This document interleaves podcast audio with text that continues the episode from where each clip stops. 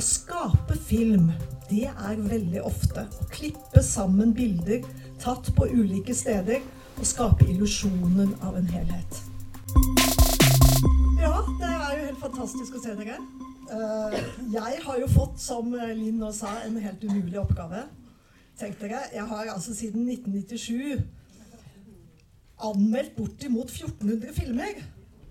Og gjennom et enda lengre tidsspenn så har jeg jo lest et vell av bøker, da. Så hva har gjort mest inntrykk? Hva har rystet meg i sjelen eller fått meg til å le og flire? Hvordan finner jeg fram til noe av det sterkeste, morsomste og mest bevegende jeg har sett og lest? Og da endte jeg med den intuitive metoden, dere. Det å lukke øynene hva kommer opp? Hva dukker først opp i minnet som glitrende perler i hjernens og hjertets skattkamre? Og Samtidig så syns jeg liksom det burde følge en slags, ja, kanskje til og med en rød tråd. At det kunne ha en felles overskrift som jeg skal ha over den reisen jeg skal ta dere med på nå. Eh, jeg vet ikke om alle eksemplene går inn under alt dette, men overskriften som kom seilende, det var illusjoner, identitet og kjærlighet. Litt av alt dette blir det. Er dere klare for første bok? Min svenske mor, hun satte meg på sporet av den kanskje for 30 år siden. Det er en framtidsroman av det nå kommer et vanskelig ord, dystopiske slaget. Altså en antiutopi. Ofte nevnt sammen med Aldous Huxleys vidunderlige nye verden fra 1932 og den dere alle kan navnet på, George Orwells 1984. Den var gitt ut i 1949. Det var mye årstall her da. Huxley han la sin skrekkvisjon helt ut i det 26. århundre. Der er ingen av oss. Og Orwell plasserte sitt storebror ser deg-samfunn til 1984. Men romanen jeg nå har i tankene, den er da skrevet i 1940 og lagt fram til år 2000. Tenke seg. Den heter, som dere har fått på listen, dere har fått utdelt, Kallokain. Og er signert en svensk forfatter som mange av dere vil forbinde med lyrikk. Ja visst gjør det ondt når knopper brister. Aha. Karin Boje. Boje hadde besøkt både Hitlers Nazi-Tyskland og Stalins Sovjetunionen på 1930-tallet. Og hun var blitt skremt av to samfunn som forsøkte å kontrollere individene fullstendig. Hva er så dette kalukain? Boka skildrer kjemikeren som med det talende navnet heter Leo Kall, som forteller om hvordan han fant opp et serum som når det sprøytes inn i et menneskes blodårer, får vedkommende til å røpe sine innerste hemmeligheter. Intet mindre. Leo Kall han jobber for verdensstaten, som overvåker enkeltmenneskene ved hjelp av politiøre og politiøye, som er montert på veggen i ethvert privathjem. For livets mening i verdensstaten, det er å utslette egne behov for å tjene staten. Og da den øverste politisjefen får høre at Leo Kall har laget dette stoffet, kallokain, som kan gi staten fullstendig tanke- og følelseskontroll, og slå ned på individer med et statsfiendtlig sinnelag da blir dette ubehagelig lesning. Ja, hva er det da med denne overskriften 'Illusjoner, identitet og kjærlighet'? Hvordan passer det inn i den? Det elegante med Karin Boyes tekst, det er at hun åpner sprekker inn i den skråsikre fasaden til Leo Kall. Da han prøver ut sannhetsserumet sitt på første forsøksperson Det er eh, i denne staten så er det mange frivillige som skal gjøre tjeneste, og det er frivillig nummer 135 som har meldt seg. Da stoffet testes ut på ham, så avslører denne en frihetslengsel som Leo Kall i sitt indre må erkjenne at også han bærer på, men som verdensstatens systemer slett ikke oppfyller. Forskrekket aner Leo at hans nærmeste sjef det er en mann som Hun har gitt dette veldig fremmedartede navn fordi hun var redd for at hvis det var svenske navn, så ville det bli litt for påtrengende. Edorissen har forståelse for den lengselen som forsøkspersonen uttrykker. Jeg skal lese litt av hva som skjer etter at uh, nummer 135 har uttrykt seg påvirket av kallokain. Den mannen der, så mindreverdig han på mange måter var, snakket om et øyeblikk av opphøyet salighet. Lenge siden og nesten glemt det jeg så, men dog et øyeblikk. Hans korte vandring ekstase den dagen han gikk til ungdomsleirens propagandakontor og meldte seg til frivillig offertjeneste, ja, den misunte jeg ham. Et eneste slikt øyeblikk kunne kanskje ha slukket min evige tørst, som jeg forgjeves prøvde å stille hos min hustru Linda. Selv om, tenkte, selv om jeg ikke tenkte disse tankene til bunns, hadde jeg følelsen av at mannen hørte til de benådede, men var utakknemlig, og det gjorde meg hard. Men min sjef Edo Rissen oppførte seg på en måte som forbauset meg. Han gikk rett bort til frivillig nummer 135 og la hånden på skulderen hans og snakket med en stemme så varm som man aldri bruker til voksne, aller minst mann og mann imellom, i høyden når ekstra sentimentale mødre snakker til sine små unger. Ikke vær redd nå.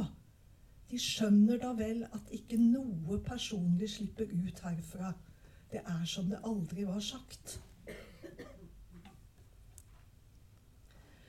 En gjennomgående spenning oppnår Boje i romanen ved at Carl mistenker at hans egen kone, som dere hørte, Linda, har et kjærlighetsforhold nettopp til denne sjefen, Edorissen. Og et klimaks det er da Leo setter sprøyten med kalokain i Lindas egen arm for å høre hennes innerste tanker og begjær. Og Nå skal jeg ikke røpe hva hun forteller, for det vil dere kanskje få lese selv. Men jeg skal bare lese litt fra Leo Kalls refleksjoner i etterkant.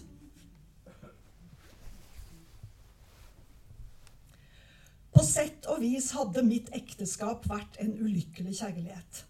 Gjensidig, riktignok, men ulykkelig ikke desto mindre. Jeg hadde drømt meg til en hemmelighetsfull verden i et alvorlig ansikt, i en buet rød munn, i to strenge, vidt åpne øyne, og trodde den kunne slukke min tørst, stille min uro og gi meg evig trygghet, bare jeg visste et middel til å nå dit inn. Og nå nå hadde jeg brutt meg inn med vold så langt det var mulig å komme. Hadde tvunget meg til det hun ikke ville gi. Og enda var min tørst like stor, min uro og min usikkerhet større enn noensinne. Fantes det noe som svarte til min drømte verden, så var den ikke til å nå, tross alle mine kraftanstrengelser. Og nå kunne jeg som Linda ønske meg tilbake til min tapte illusjon, da jeg ennå hadde troen på at paradiset bak muren kunne erobres. Og slik blir Kallokain en roman om at det er en illusjon å tro at man kan frarøve menneskene deres lengsel etter frihet og mening. Nå har jo da år 2000, som vi alle vet, passert med god margin uten at noe sannhetsserum à la kalokain er funnet opp. Men jeg kan ikke dy meg for tanken på at Karin Boje, om hun hadde levd i dag, så ville hun hyllet denne mannen. Edward Snowden. Som har bidratt til å avsløre hvordan etterretningstjenester i USA kan snoke i menneskers privatliv over hele kloden ved hjelp av digital kontroll. Igjen lukker jeg øynene. Det var denne stranden jeg ville vise dere. Og hvilken filmlocation er nå dette? Jo, på denne smale stranden under denne enorme klippen slår en italiensk fisker seg ned for å lære å dikte om havet og kjærligheten. Og mannen som underviser ham, det er jo, ja, dette vet dere, selveste Pablo Neruda. I filmens nåtid, 1952, befinner den chilenske poeten seg i eksil pga. sitt kommunistiske grunnsyn. Ja, dere har gjettet rett, og dere har jo fått det på arket. Jeg snakker om 'Postmannen' fra 1994.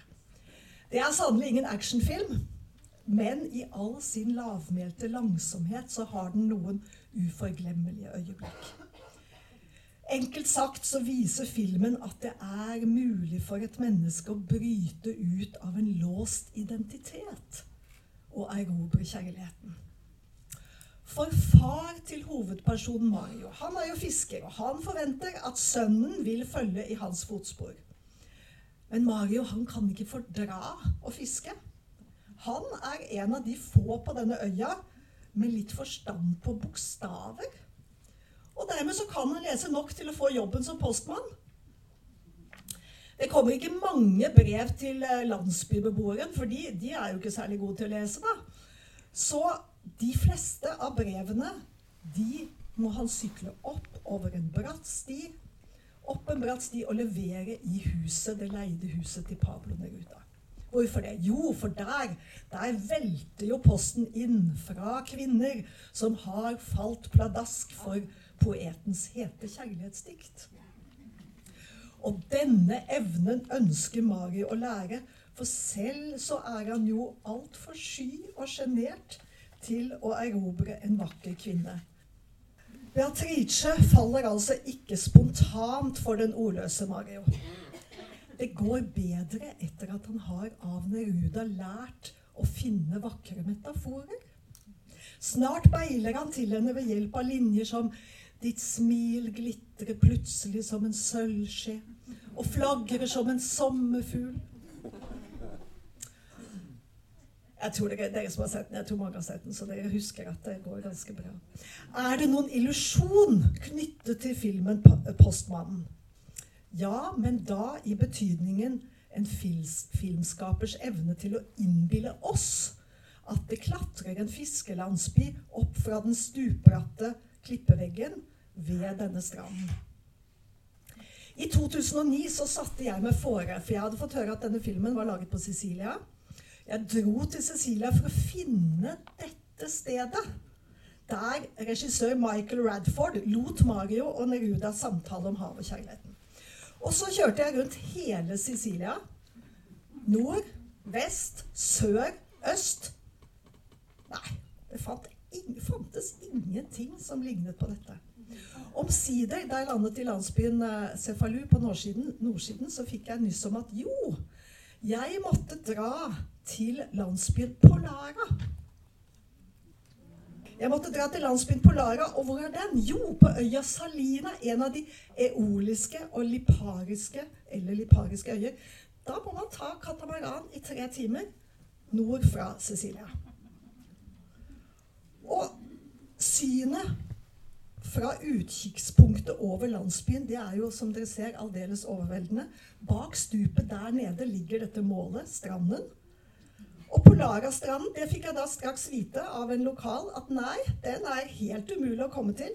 Og så trillet vi mopeden vi hadde leid, nedover en svingete grusvei og parkerte. En bratt trapp førte videre til en steinete badeplass. Og så gikk sannheten opp for meg.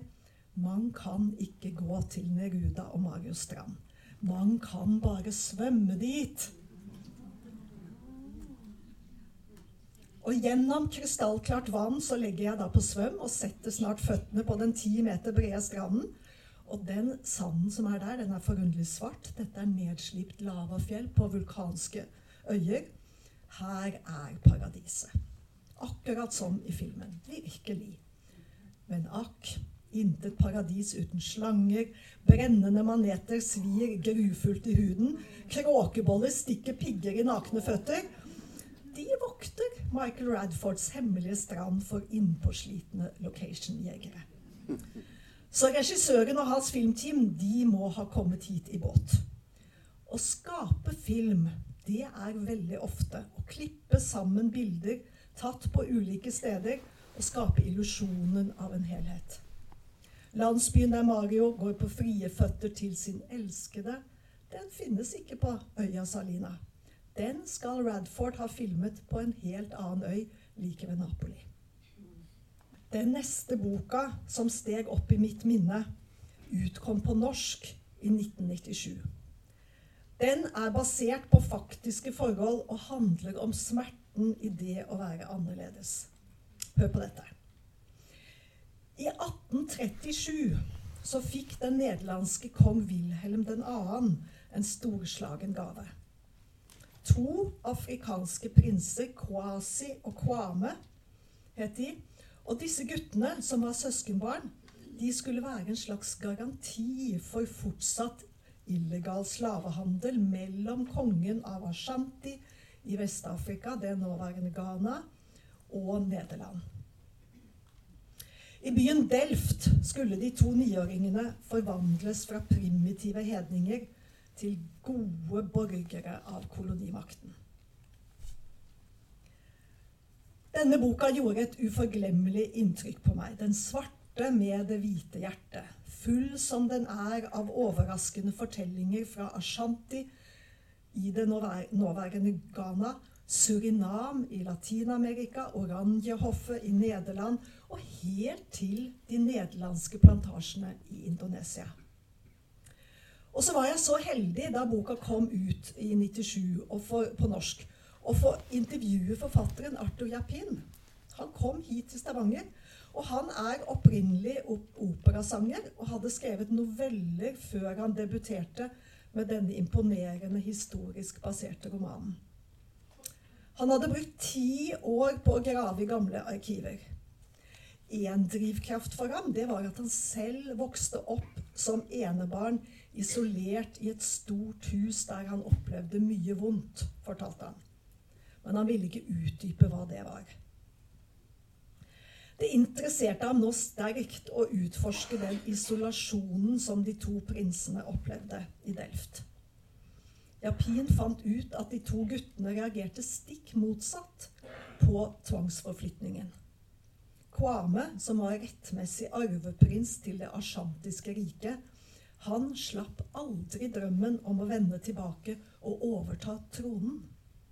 Kwasi, derimot, han forsøkte iherdig å bli som de hvite. Han blir hovedperson i beretningen. Men hvordan kunne nå Japin vite at de to guttene reagerte så forskjellig? Jo, i byarkivet i Delft så fant han flere personlige eiendeler etter Kvasi.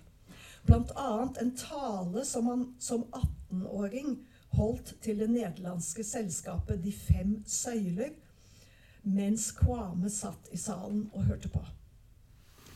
Og Denne talen den er et grusomt eksempel på hvordan Kwasi underkjenner sin egen identitet og kultur for å tekkes de hvite. Jeg har derfor besluttet å fortelle dere om skikkene fra mitt fødested. Jeg vil på forhånd be om deres tilgivelse hvis det skulle kjede dere å høre denne oppsummeringen av hendelser som ikke virker spennende på noen tiltalende måte, ettersom det er et rått og usivilisert folks mangler, livsstil, skikker, vaner osv. som vi nå skal ta for oss. Jeg tok en ny pause men turte først ikke se opp fra manuskriptet mitt. I noen sekunder vurderte jeg å stoppe. Disse tankene som jeg hadde ordnet med en slik omhu, og som jeg hadde skrevet av minst tre ganger, hadde jeg aldri før uttalt høyt. Omsider turte jeg å se utover salen. Jeg hadde alles oppmerksomhet. Kvame, som utvilsomt oppfattet nølingen min, nikket beroligende og oppfordrende. Det var ingen vei tilbake. De er hedninger, Fetisjtilbedere ashantierne tror på et høyeste vesen som de kaller Jan Kampong, herre over alt. Videre tror de på gode og onde ånder. Slik knytter de tro til gjenstander og ofrer til f.eks. magneter eller steiner. De tror også på et liv etter dette livet, men på en måte som innebærer at kongen i dette livet igjen skal bli konge etter sin død, slaven igjen slave, og at alt, alle generelt sett opptar sin rang og profesjon igjen i himmelen. Og det er i lys av dette man må forstå skikken med å ofre slaver når konger, prester og andre store dør. Rop av avsky og fordømmelse steg opp fra salen nettopp slik jeg hadde forventet. Smilet hadde forsvunnet fra Kwames ansikt. Han så seg rundt. Jeg så at han bet tennene sammen. Så kastet han et stivt blikk på meg. Nå holdt jeg også ut. Jeg nevner jamsrotfesten Odwira for dere. Hvert år i begynnelsen av september, når jamsrøttene blir høstet, er distriktets høvdinger og de militære lederne forpliktet til å dra til hovedstaden med sitt følge. Når de passerer kongen av Ashanti i et opptog, danser to grupper på 100 bødler hver, langsomt og truende gjennom byen. De bærer skallene fra høytstående ofre til skrekk og advarsel og slår rytmisk på dem med knivene sine. Slik advarer de stormenn om at mange av dem før festdagenes slutt vil falle i hendene på dem. Publikum ristet på hodene i vantro, og man kunne høre et par rå bemerkninger. Hvorfor skildrer jeg et barbarisk, vilt og usivilisert folks brutaliteter for dere? Hvorfor tegner jeg dette bildet av grusomheter som får ens menneskelighet til å isne bare ved tanken? Hvorfor tiet jeg ikke? Hvorfor sparte jeg ikke Kvames følelser? Så mye kan jeg si. Sorgen hans motiverte meg. Det var ikke hjerteløshet. Gud bevares. Jeg ville ikke såre ham, nei, men nettopp trøste ham. Et uventet sinne vellet opp i meg ved synet av tårene hans. Jeg ville vise ham dette. Se, de er ikke verd å lengte tilbake til. Den usigelige fortvilelsen og ensomheten hadde gjort noe med forholdet mitt til faren min, til folket mitt.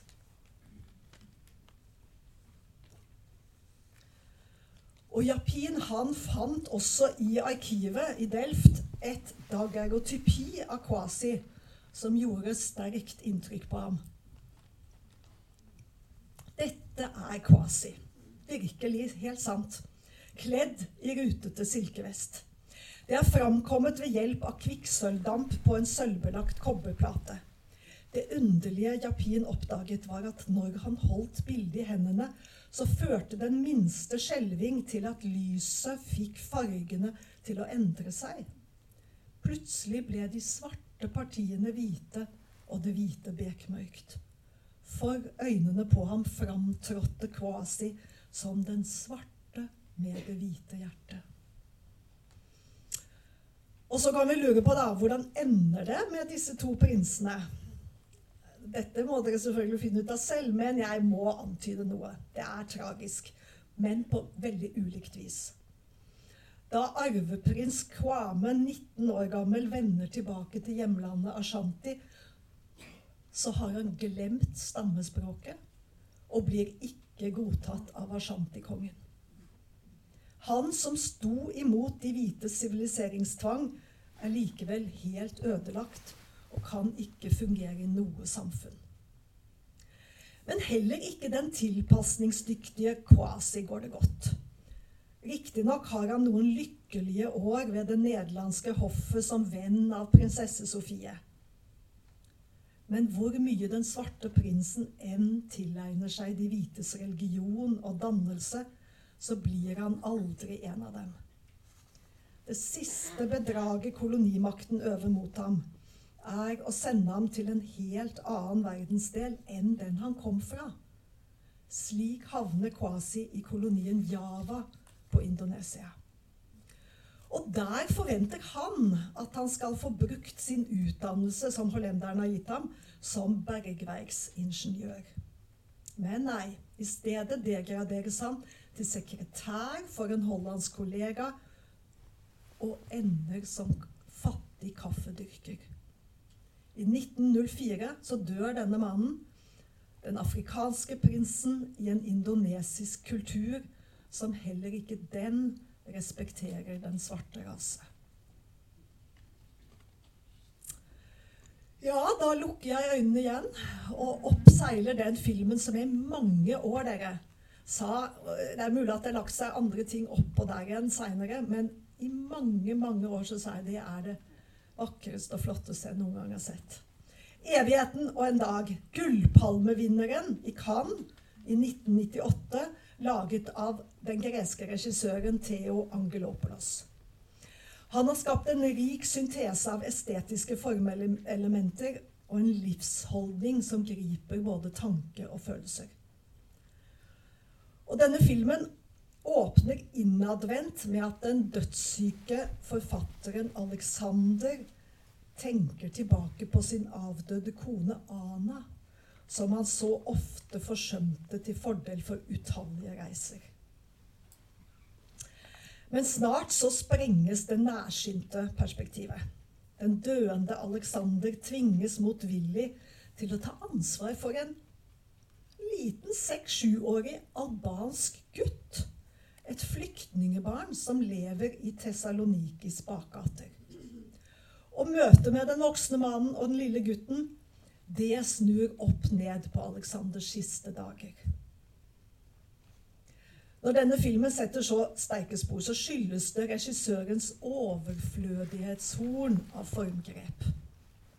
Her er det storslåtte bilder som stadig bryter med en barsk realisme.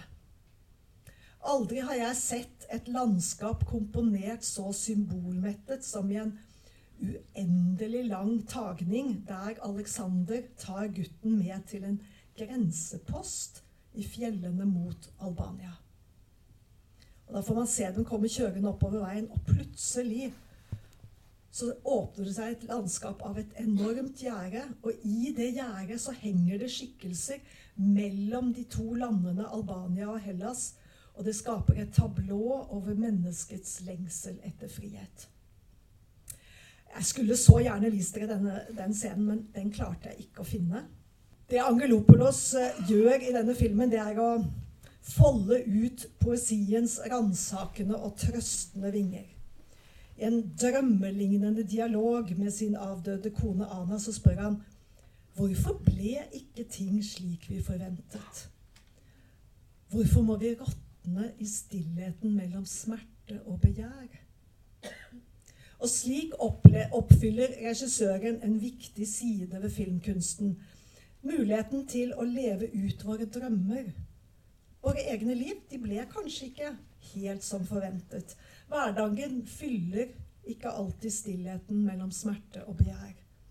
Men stor filmkunst kan lirke seg inn i sjelens tomrom og berøre oss med bilder som utfordrer og avslører, trøster og gleder. Og så lukker jeg øynene og finner en bok som handler om også den om en person, en mann som Skal vi se Nå er jeg tilbake hit, da. Um, ser tilbake på livet sitt. Og nå er det en islending som nekter å gi opp sin identitet som sauebonde. Men den staheten fører til at drømmen om å leve sammen med kvinnen han elsket så høyt, blir en illusjon.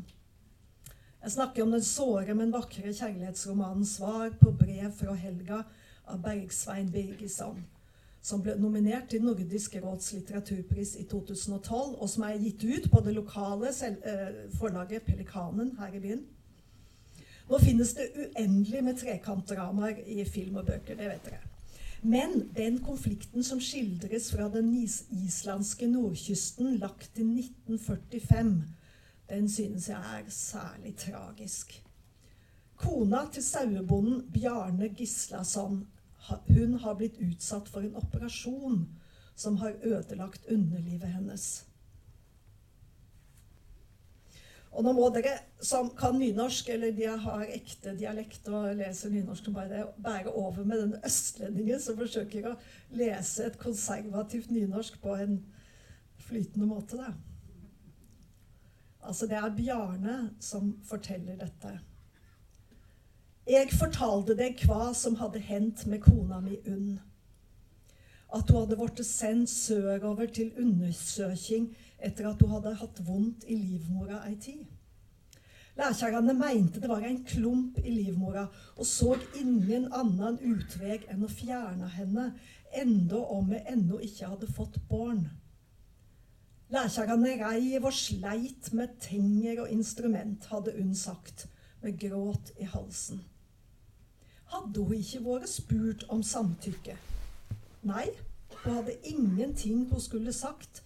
Ingen spurte henne om noe som helst, og hun var aleine der og livredd på sjukehuset, for jeg kunne ikke fara bort fra buskapen.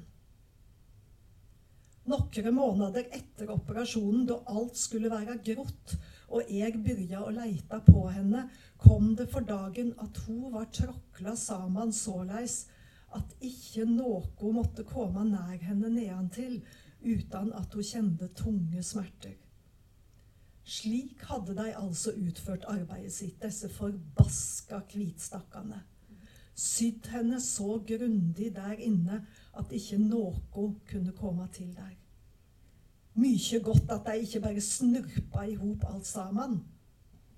Dette var tunge dager.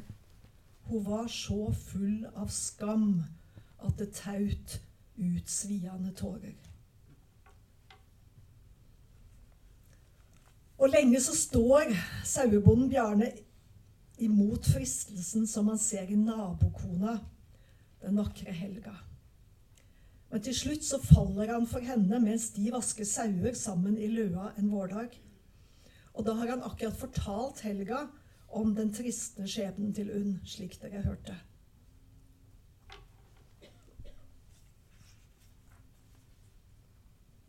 I tung og søtande lukt, søtangende lukt av sauevask trykte du hovudet mitt mot barmen din, dei velsigna tuvene dine, og sa lågt og djupt som eit såg i juvet.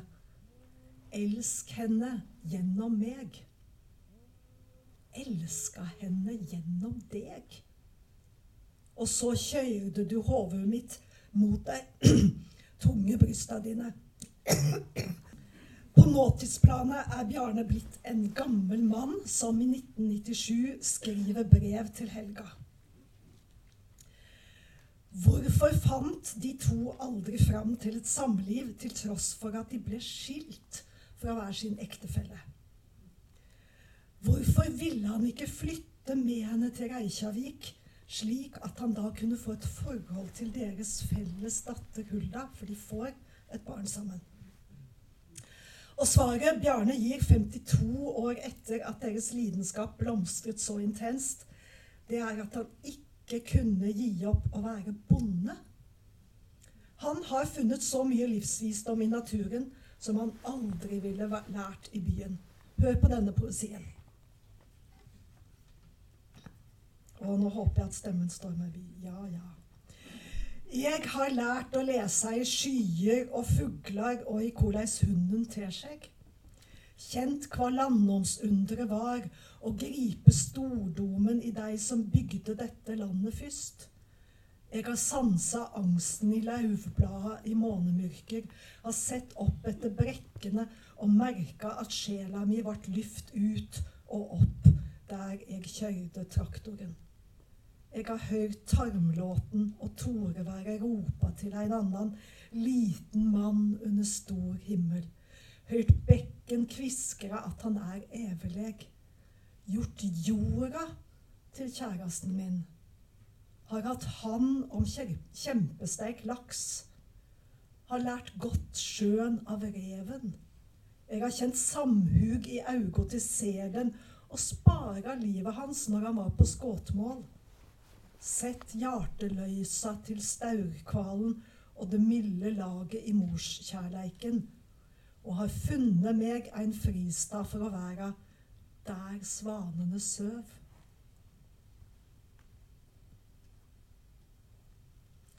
Så blunder jeg for siste gang og gir dere den siste filmen.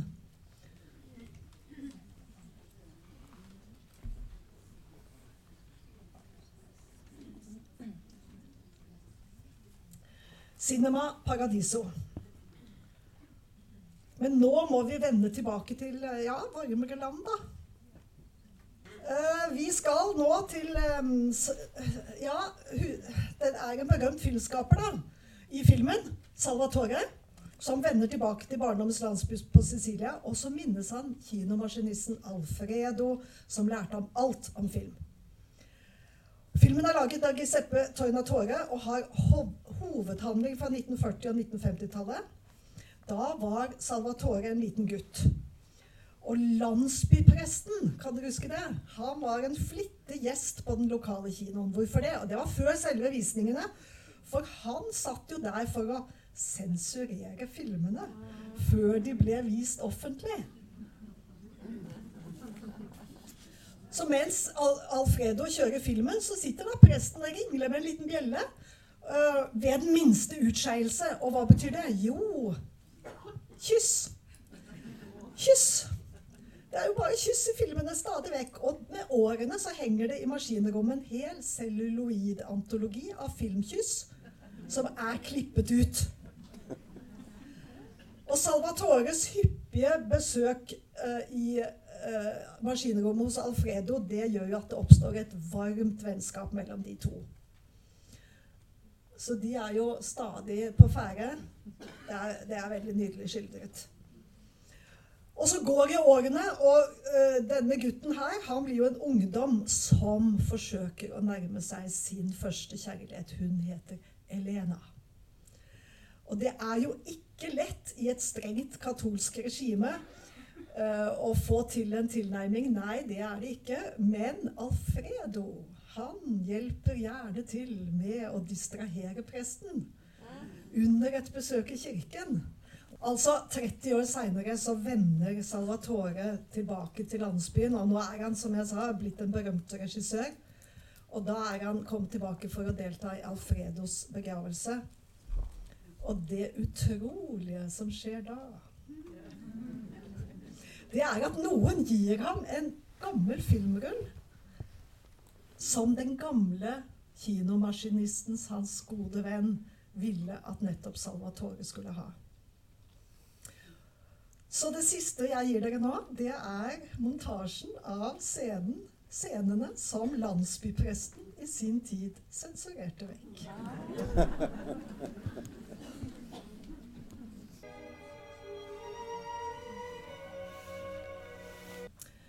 Ja, med den hyllesten til kjærligheten så er det vel eh, ikke annet enn å si uh, gå hjem og finn noen å kysse. Og takk for meg.